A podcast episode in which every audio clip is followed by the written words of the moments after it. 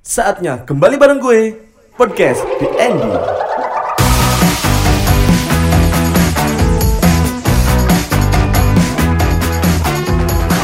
Selamat datang semuanya. Hari ini hari yang luar biasa buat gue. Karena kenapa? Gue hari ini datangin tamu yang sangat istimewa. Dan ini luar biasa banget karena dia menyempatkan waktu jauh-jauh dari Kalibata. Halo, Andra. Halo. Halo, apa kabar? Eh kok Gil sih? Gak apa-apa. Gak apa-apa ya? Oh iya. Di sini soalnya panggilannya Andi jadi aneh gitu. Biasanya nggak panggilnya Gil gitu. Ya itu kan itu kan nama dibayar. Oh, nama dibayar. Nama Bugil. panggung ya? Iya. Kalau nggak dibayar Andi aja. gimana gimana? Lagi sibuk apa Ya, sekarang? bro? Alhamdulillah eh, sehat juga. eh, sekarang juga masih sibuk dengan eh, kegiatan-kegiatan dari band yang masih aku jalani juga gitu. Gil. Lagi ini ya, apa namanya siapin album baru ya kalau Siapin album baru. Insya Allah sih ke album karena kita juga eh, selama gabung dengan band Bagindas Ah, kemarin masih belum ada menelurkan sebuah album. Jadi masih single single per single gitu. Jadi mungkin untuk terobosan baru juga kita bakalan keluarin album. Setahu gue ya, dulu kan Baginas bukan lu ya? Dulu iya. Ya. Iya. Tapi memang dari awal justru bahkan malah lu yang bikin ya. Dari awal sebenarnya enggak kalau secara sejarahnya secara, secara sejarahnya tuh eh, kebetulan kenal dulu sama si Mike. Si Mike, Mike ini pemain yang gitar kan? Pemain gitar yang ciptain semua lagunya The Bagindas sampai Bagindas. gitu. Oke. Semua kuncinya ada di Mike. Jadi di tahun 2008 2008 waktu si Mike itu mau bikin sebuah band. eh, waktu itu masih belum ada namanya masih belum ada nama The Bagindas tuh masih belum ada. Jadi dia pernah menawari, Dra, yuk bikin band yuk apa lagu-lagu Melayu. Wah, Waktu itu Dan lu menolaknya ya. bukan menolak sih Gil, bukan di passionnya waktu itu. Waktu itu Jawa, jiwa gua tuh masih ngerok banget Gil. Oh, Gua masa mau membo- membodohi jiwa gua gitu, asik. Nah, terus terus. Waktu itu, oh, gua aduh, kebetulan waktu itu aku juga masih punya band, masih punya band yang eh, jalan dan juga mau melangkah ke industri juga waktu itu. Jadi makanya ya udah nih ada vokalis bagus nih Mike, gue bilang. Eh, akhirnya si Bian itu yang yang aku sodorin sama Mike. Oh, Kebetulan jadi si Bagindasnya sendiri juga memang waktu itu masih belum signing kontrak ya? masih, belum, masih, belum. Demo-demo Eh, ya? Waktu itu Mike eh, hijrah ke Bandung waktu itu dari Malang ke Bandung di Hmm. tahun 2007. 2008 Mike balik ke Malang untuk mencari seorang yang cocok buat nyanyiin lagu-lagunya dia. Oke. Nah, kebetulan waktu itu memang ada teman-teman kita juga si Bian itu akhirnya cocok. Hmm. Dibawa sama Mike akhirnya 2009 mereka rilis. Hmm. Gitu. 2009. Ya, itu 2009. di mana tuh waktu itu di di di Sony ya atau di mana? Di Trinity Oh, di Optima Trinity. Production waktu itu. Si Mike akhirnya memutuskan untuk ngajak lu join karena Si- ada masalah Iya. dengan si Bian ya sebelumnya. Enggak, sebenarnya waktu aku berangkat ke Jakarta untuk untuk bermusik lagi dengan Mike itu bukan buat Bagindas waktu itu. Ada sesuatu yang tertunda di 2009 dan 2013 aku akhirnya berangkat lagi dengan eh, konsep musik kita mainin waktu itu si Mike pengen bikin project dengan genre blues alternatif kayak gitu. Di luar Melayu. Di luar Di Melayu. luar Melayu. Sebetulnya basic dia juga sebenarnya bukan di Melayu ya. Bukan, kalau si Mike itu memang dia secara basic dia memang ada di blues sama di rock Oh, di rock, ya. Si Oh. Mike. Karena berhubung waktu itu kondisi intern The Bagindas ini lagi ada beberapa trouble, Heeh. akhirnya pihak major memutuskan untuk membubarkan The Bagindas waktu itu. Bagindas. The Bagindas. Oh, udah The Bagindas Ya. namanya? Emang dari awal The Bagindas ya? The Bagindas. Oh. akhirnya akhirnya aku yang ditodong akhirnya ditodong untuk jadi udah nih terusin aja Bagindas Heeh. lu jalan kita rilisin waktu itu sangat bertolak belakang Gil sama aku awalnya serius karena nyanyi Melayu itu susah ternyata Dan itu yang gue alamin sih.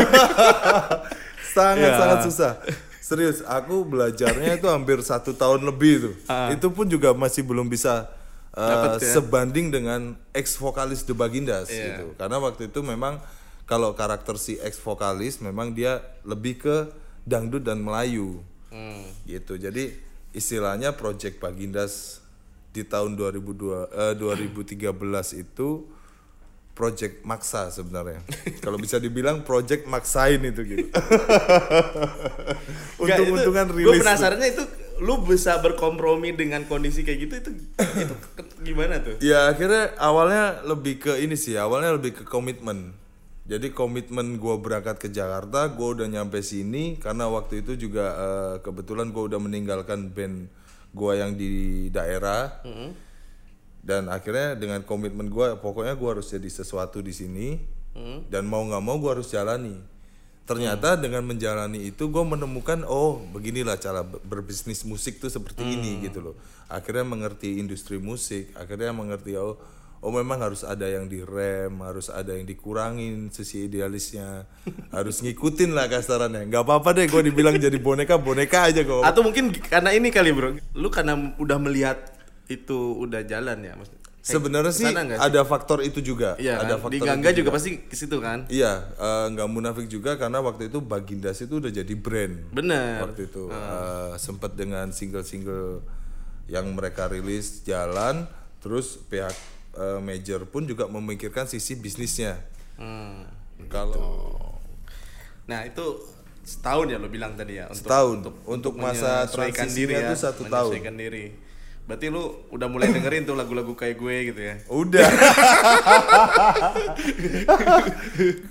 nolaknya tuh se- se- seminggu lah Se- seminggu Ah. tuh dalam hati tuh waduh sangat sangat menolak sebenarnya aku setel musik-musik kayak Coldplay, Oasis, Ah. bla bla bla, mic-nya marah sama gua. Oh ya? Udah lu jangan dengerin yang kayak gitu. Yang kayak gitu mah gak, gak ada di Indonesia ini gitu. Iya. Kalau lu mau main industri musik, lu harus ngikutin aturan industri gitu. Jadi waktu itu gua sangat eh, berpikir dan akhirnya ya udahlah, gua mau coba karena gua orangnya juga suka tantangan. Waktu itu eh, tantangan terbesar dalam hidup gua adalah menggantikan seorang ex vokalis dengan Udah punya bernyanyi karakter ya? udah karakter Melayunya udah Iya. sangat kental sedangkan gua masih nol bahkan gua nggak bisa nyanyi Melayu wah ini tantangan yang sangat sangat sangat apa ya sangat berarti lah Hmm. sangat yang harus gua tembus ternyata sampai sekarang juga nggak tembus tembus gitu Ya, ya, ya. itu sebenarnya eh, di awal kalau aku pernah bilang sama Mike, Mike eh, jadi vokalis pengganti itu tantangannya sangat besar dan nggak enak. Yang pertama, apalagi kecuali kalau kita band yang memang masih belum apa-apa ganti vokalis, is oke lah gitu. Karena waktu itu The Bagindas udah di mana-mana kan, udah u- semua orang juga udah pada tahu lagu CINT Empat Mata.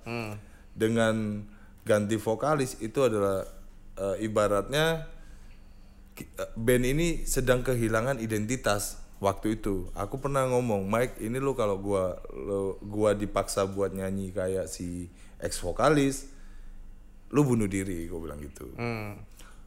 Eh, lu harus ngikutin apa yang gua punya, dan gua harus ngikutin apa yang lu buat. Iya. Nah, gitu sih. Jadi mentransisinya tuh sangat sangat susah banget awalnya. Banyak perbandingan pasti gitu. Hmm. Berarti lu juga pasti udah udah biasa lah ya dari Macibiran atau Wah banyak banget. Dulu awal-awal kalau boleh Ah. kalau misalnya gue bisa request ke Tuhan ya, Tuhan gue balikin dan gue temuin sama orang-orang yang nulis di di komen-komen, Ah, gue ketokin satu-satu serius.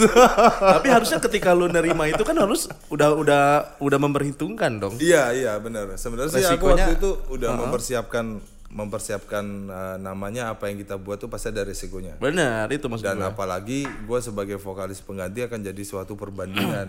Waktu single pertama, single kedua itu nggak ada sisi positif yang aku aku terima. Hmm. Cuman ada beberapa segelintir orang yang lebih fresh lah atau lebih apa. Cuman yang lainnya karena kita dengan pakai nama Bagindas eh, itu orang masih mindsetnya masih terklaim dengan ex vokalis, bener. Jadi otomatis jadi perbandingan Gil di situ. Ya. Wah nggak asik nih yang ini, wah ini kurang Melayu lah, kurang dari hati lah nyanyi, kurang dari apa, wah, aduh susah tuh waktu itu. Jadi eh, tapi alhamdulillah kita di single ketiga keempat itu kita dapat promo. Ya mungkin Tuhan kasih nih, lu gua kasih promo ya, gitu. lu gua kasih rezeki nih dapat salah satu brand produk yang ngajakin kita tur 51 kota waktu itu dan Bagindas dengan formasi yang baru Dengan informasi yang baru. dengan formasi yang baru Kalau tuh tinggal berdua ya waktu itu ya. iya Cuman tinggal itu- lu sama Mike ya. ya jadi kontrak baru sama Trinity Optima itu kita tinggal berdua si Mike yang punya lagu sama saya vokalisnya Hmm. tiga tahun kita jalan cuman berdua akhirnya kita memutuskan di 2017 untuk menambah personil Hmm. karena memang ya nggak lucu juga Gil Iya. foto berdua kayak priwet gua sama Mike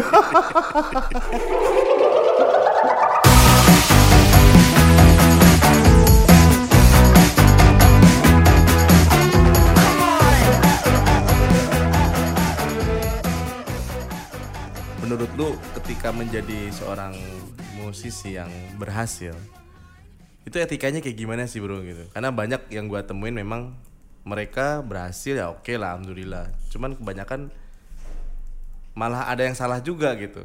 Malah mungkin etika nggak jalan. Iya. Atau malah nggak penting jadinya. benar benar jadi sebenarnya sebelum sebelum kita memantapkan hati di mana pun sih sebenarnya ini bukan di dunia musik juga bukan di semua semua lahan sih kalau gue bilang di semua lahan tuh yang pasti yang pertama harus attitude sih kalau gue bilang Benar. karena karakter orang kita eh, karakter kita nggak bisa nih eh, pakai gaya orang di luar negara kita ini contohnya kayak misalnya kayak kita mau pengen jadi kayak Liam Gallagher gitu misalnya kayak Oasis di sana mereka masih bisa karena karena apa yang mereka buat di sana tuh jadi trendset- trendsetter gitu bro. Ah. jadi eh, mereka lebih menghargai karya mereka lebih lebih eh, menurut mereka karyanya udah diterima lu mau bikin se- semau lu terserah gitu kalau di kita itu nggak akan bisa Kenapa?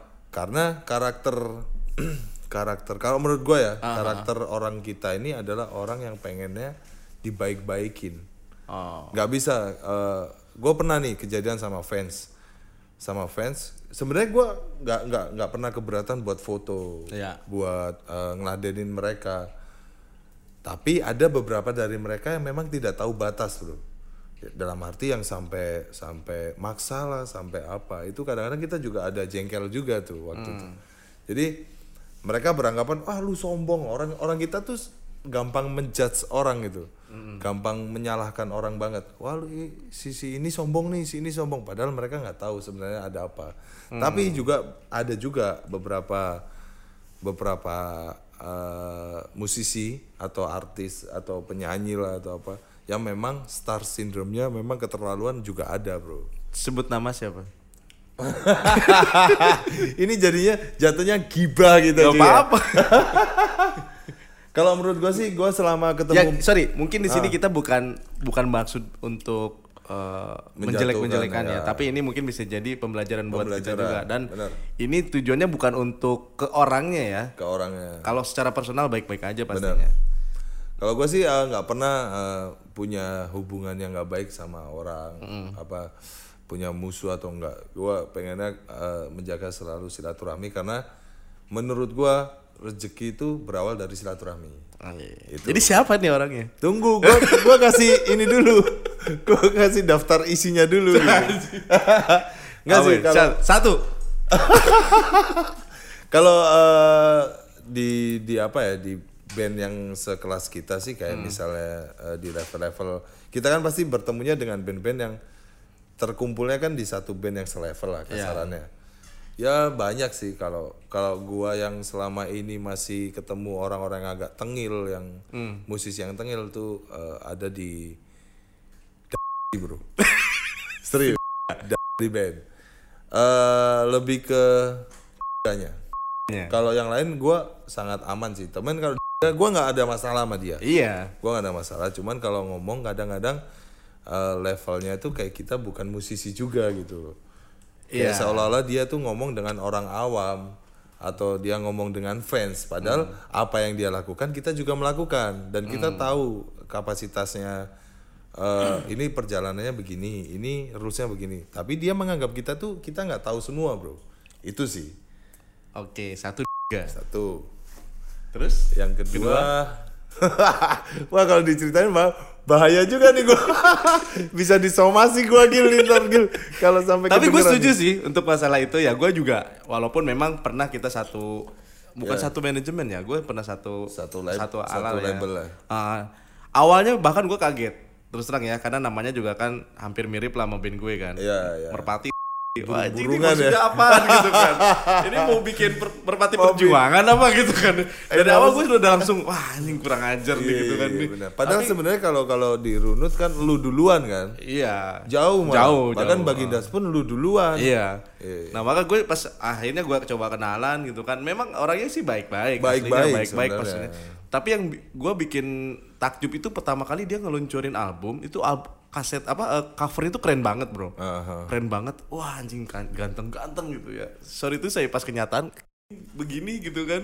pas ketemu Kok aslinya, beda gitu kan. jaketnya itu itu doang gitu jaketnya itu itu doang Iya. ngomonginnya royaltinya mm-an gitu Iya, tapi royaltinya memang luar biasa sih. Cuman gua gua juga agak agak agak kaget gitu pas ngeliat anjing ternyata gitu. Tapi kok mereka bisa ya gitu dapetin Benar, RBT yang lumayan nih waktu itu. Kalau yang eh, terus untuk yang kedua, kalau ini cuman prasangka gua aja sih Ah. sebenarnya. Jadi eh, gua pernah ketemu dengan eh, salah satu vokalis juga. Oke. Itu eh, Ru Ruri. Oh iya iya Nah, iya. iya. itu kalau gua sih awal orang yang nggak tahu, yang nggak kenal pasti mengira dia orang yang sangat sombong, Sombong. Hmm. orang yang angkuh gitu kan. Tapi setelah kenal ternyata nggak, Bro. Jadi eh, musisi ini ada begini ya, Bro. Jadi eh, nggak bisa dibungkiri juga kita butuh aura superstarnya. Benar. Tapi kita juga harus bisa mengaplikasikan eh, membuang itu semua waktu kita di kehidupan nyata kita. Nggak mungkin juga dong kita ber- berlaga seperti di panggung waktu kita Kongko gitu ya, ngobrol. iya, waktu kita berkomunitas atau apa kita nggak nggak mungkin pakai itu gitu karena menurut gua pekerjaan musisi ini apa yang gua jalani ini cuman baju bro. Iya. ibaratnya kayak polisi aja.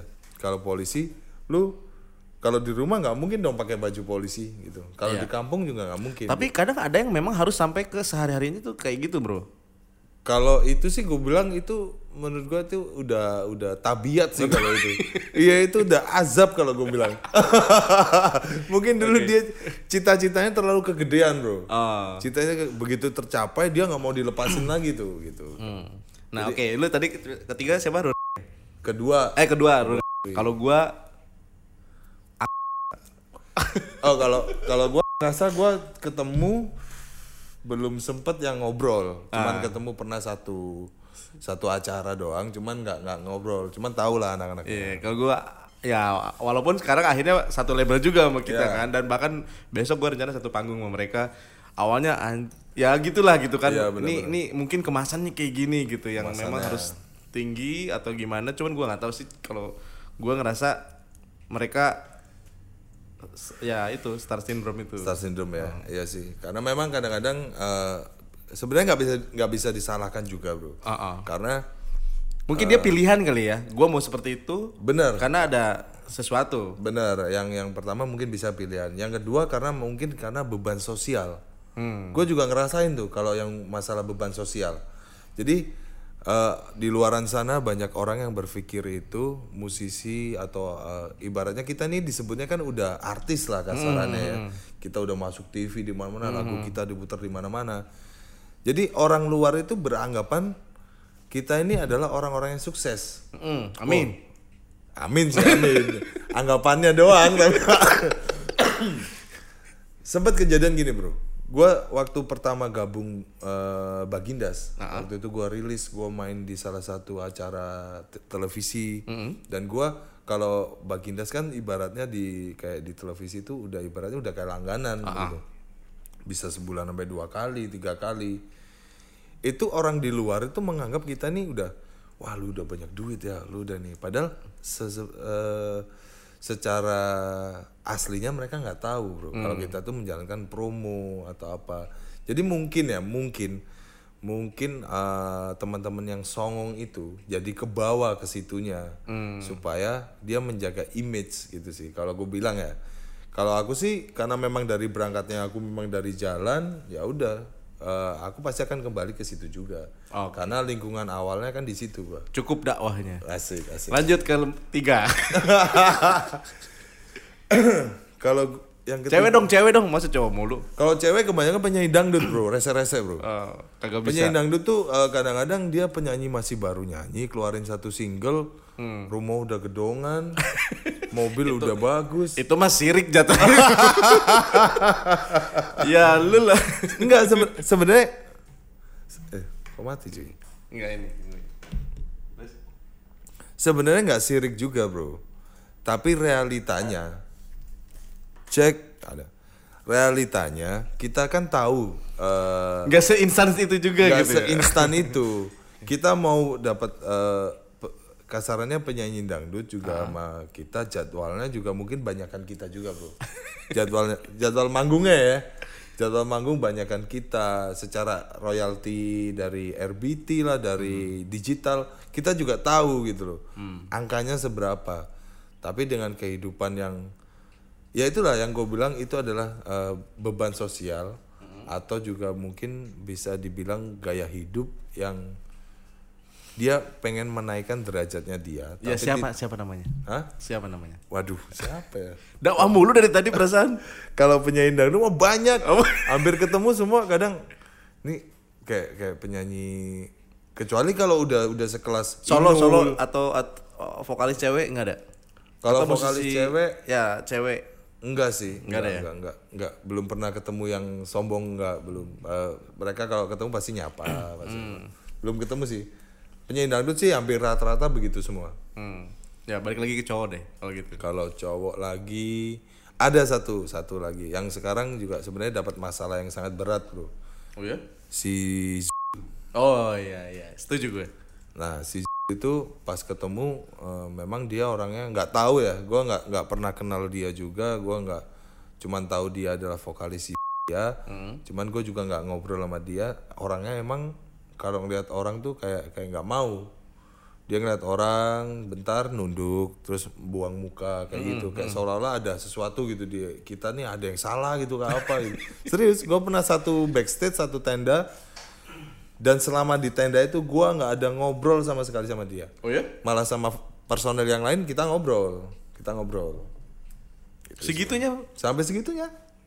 Dan gue mau memulai gue awalnya pas ngelihat sama-sama ngelihat tuh mau nyapa senyum gitu kan gua. Tapi sepertinya ada penolakan dari dia. Penolakan yang ya mungkin gua sih positive thinking aja mungkin dia lagi banyak masalah lah atau lagi ditagih utang lah atau apa gua nggak ngerti lagi ini ya. Ya kalau ke ada ya gue secara personal memang lebih deketnya ke pemain bass sama drummernya. yang kribo itu yang kribo Ya si kan itu orangnya asik sih. Awalnya memang agak susah juga Tapi tapi, sebenarnya- baik sebenarnya kalau dirunut make sure sih bro make sure dalam arti kenapa itu orangnya pendiam ternyata tiba-tiba ada kasus yang Iya. nah mungkin dia bergejolak di situ mungkin Tapi pikirannya itu kayak katanya sih dengar-dengarnya itu baru, Bro. Cuman gua nggak tahu ya, nggak percaya juga sih gue. ya ya nggak tahu lah ya kalau Iya. kalau memang pemain baru sih mainannya mungkin masih gram-graman bro ini Iya, udah kilo-kiloan udah Iya. kilo-kiloan ngeri juga tuh anak tuh Ya benar-benar. itu sih ya ada, beberapa artis yang lain juga sih justru malah kalau artis-artis yang senior Hmm. Gue pernah ketemu sama Once gue pernah ketemu sama Mas Fadli Padi. Nah, sekarang oke, pertanyaannya siapa yang menurut lu kebalikannya ya? Nah, Kalau tadi yang songong-songong, Ya. nah sekarang justru yang someah lah kalau kata orang Sunda tuh yang ramah, Iya. ketemu ngobrol kalau yang paling ramah Fadli. Setuju banget. Fadli Padi. Ya itu gue sempet beberapa beberapa panggung sama dia dan dia juga nggak dia udah melepaskan baju superstarnya dan dia Bisa ya kayak gitu ya? Bisa, ya mungkin karena filosofi padi tadi bro. Iya, bener-bener. Filosofi padi kan semakin. Tapi padi. ketemu Mas Pius sih tetap masih agak songong sih. Kalau Mas Piu, aku sempet beberapa, eh, be- bukan beberapa, sempet ada kerjasama sekali dulu sama Mas Piu. Dulu sempet gua disuruh eh, jadi pilih eh, memilih apa sih soundtrack untuk film di Emotion waktu itu. Ah. Terus pengalaman lu gimana? Pengalamannya sih kalau kerja bareng sama Mas Piu, Mas Piu tuh orangnya saklek bro. Hmm. Orangnya tuh memang perfeksionis dan tapi tapi sisi positifnya Mas Piu itu bisa membawa teman-temannya itu rata. Maksudnya dalam arti rata itu eh, kalau gue sukses lu juga harus sukses gitu. Bro ya kayak gitu ya? Iya Mas Piu Walaupun memang agak agak saklek ya. Memang- Orangnya agak memang saklek. pebisnis ya kelihatannya. ya. bisnis ya benar. Iya iya iya. Nah kalau gue Mas Padli setuju. Iya gue setuju Mas Padli karena baru kali mungkin gue pernah apa ketemu uh, musisi senior yang ketemu tuh dia kayak nunukin badan gitu. Nunduk, ya benar. Ini sih Mas gitu. Anjing. Orangnya baik banget bro sebenarnya. kok malah dia yang tunduk bukan gue gitu kan. iya, jadi eh, ada beberapa musisi yang memang dia punya adab sih. Jadi bukan harus di musisi juga kan kalau gua ngomong dari tadi di mana pun kita mau ada, yang penting kita punya adabnya dulu. Nah.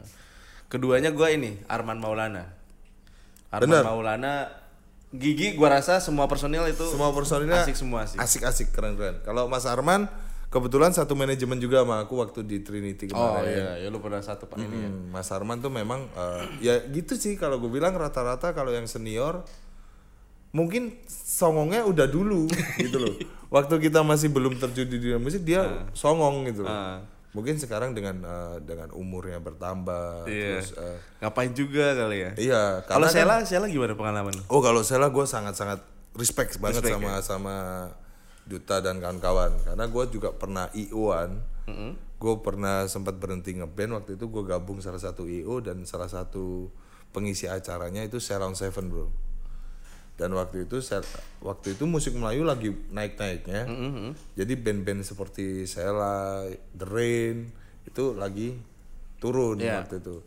Jadi gue pernah ngedatengin Sela itu dengan budget yang mereka juga nawarinnya budget berapa segini, nggak nggak yang mahal gitu, di luar ekspektasi kita. Jadi waktu itu gue cuma 10 juta atau berapa, terus gue cuma disuruh nambah juta buat akomodasi mobil. Dia dari Jogja ke Malang tuh naik mobil bro, dan itu gue salut. Itu padahal udah gede ya.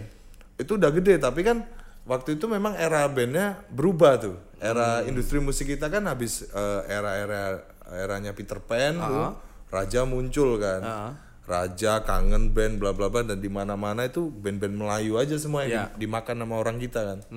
Sementara band-band yang kayak Sheila, The Rain yang itu pada Lagi lagi lagi tidur ya. sejenak tuh waktu itu. Jadi anak-anak Sheila asik-asik banget. Gitu. Siapa lagi? Ada band? Ada band, ada band gua cuman beberapa aja sih yang kenal. Mas Krisna ya. Ma- Mas eh, Dika, Dika. Oh, Dikanya. Mas Dika, Mas Marsal tuh gue kenal karena dulu Mas Dika kan nikah sama orang Malang juga sering ketemu juga di Malang sama Mas Oke. Dika tuh. Oh. Gitu. Ya, terakhir nih, Bro. Siap. Ini udah nggak berasa. Kita ngobrol udah berapa lama nih? satu jam kurang lebih lah. Ya. Em, eh, menanggapi fenomena yang sekarang nih, Bro.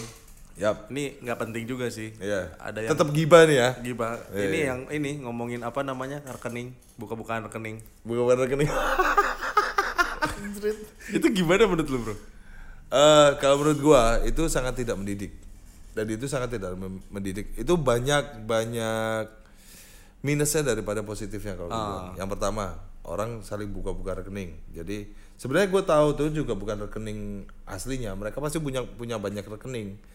Itu dibuka yang satu ria, yang satu pasti pamer. Yang kedua, akhirnya kalau dia punya banyak duit kan jadi jadi lahan kriminal juga tuh Iya buat orang-orang yang Tapi kan tujuannya mungkin dia pengen naik wah ngeliatin kelasnya dia. Walaupun kelasnya juga ternyata sebenarnya sih uh, kalau untuk juga ya. untuk untuk dia pengen menunjukkan bahwa gue punya duit kayak apa itu nggak begitu juga nggak nggak dengan cara Nggak kayak harus gitu juga begitu ya. gitu loh terus gue kemarin juga ngeliat beberapa kali di YouTube ada yang sampai beberapa artis cewek ada artis cowok juga sampai buka baju di mall Oh ya? lari-larian ada lu nontonnya kayak gitu-gitu sih. Enggak, jadi itu prank apa sih? Bukan prank challenge. Oh. Yang sampai segitunya gitu. Terus eh, kayak kasus-kasus yang kemarin ikan asin si si nggak penting itu jadi tambah naik. Sebenarnya itu PR juga sih buat media kalau gue bilang. Ah, tapi kalau buat media itu komoditi. Ya, Itu kalau untuk ngomongin bahan. segi bisnis ya. Ah. Tapi di sini KPI harus berperan penting dong. Hmm. Jadi kayak kemarin jarum di stop karena Rokok. rokok stop eh, buat PB jarum tuh pembinaan. Kan gila dibilang Iya. apa sih? Dibilang apa sih kalau dibilang memanfaatkan anak-anak Anak-anak kecil. ya. Ini tolol banget kan harusnya kalau kemampuan kan memang harus dididik dari Eksploitasi kecil. gitu ya. eksploitasi anak gitu goblok gitu justru yang halal kayak gitu kagak di kagak digubris sama KPI gitu Hmm. kayak kasus ikan asin ka- kasus Lucita Luna juga tuh gue tuh kalau ada Lucita Luna ketemu gue ajak ngobrol berani gue Kalau dipegang berani nggak lu? abis abis abis ngobrol gue penasaran lu cowok apa cewek sih gue bilang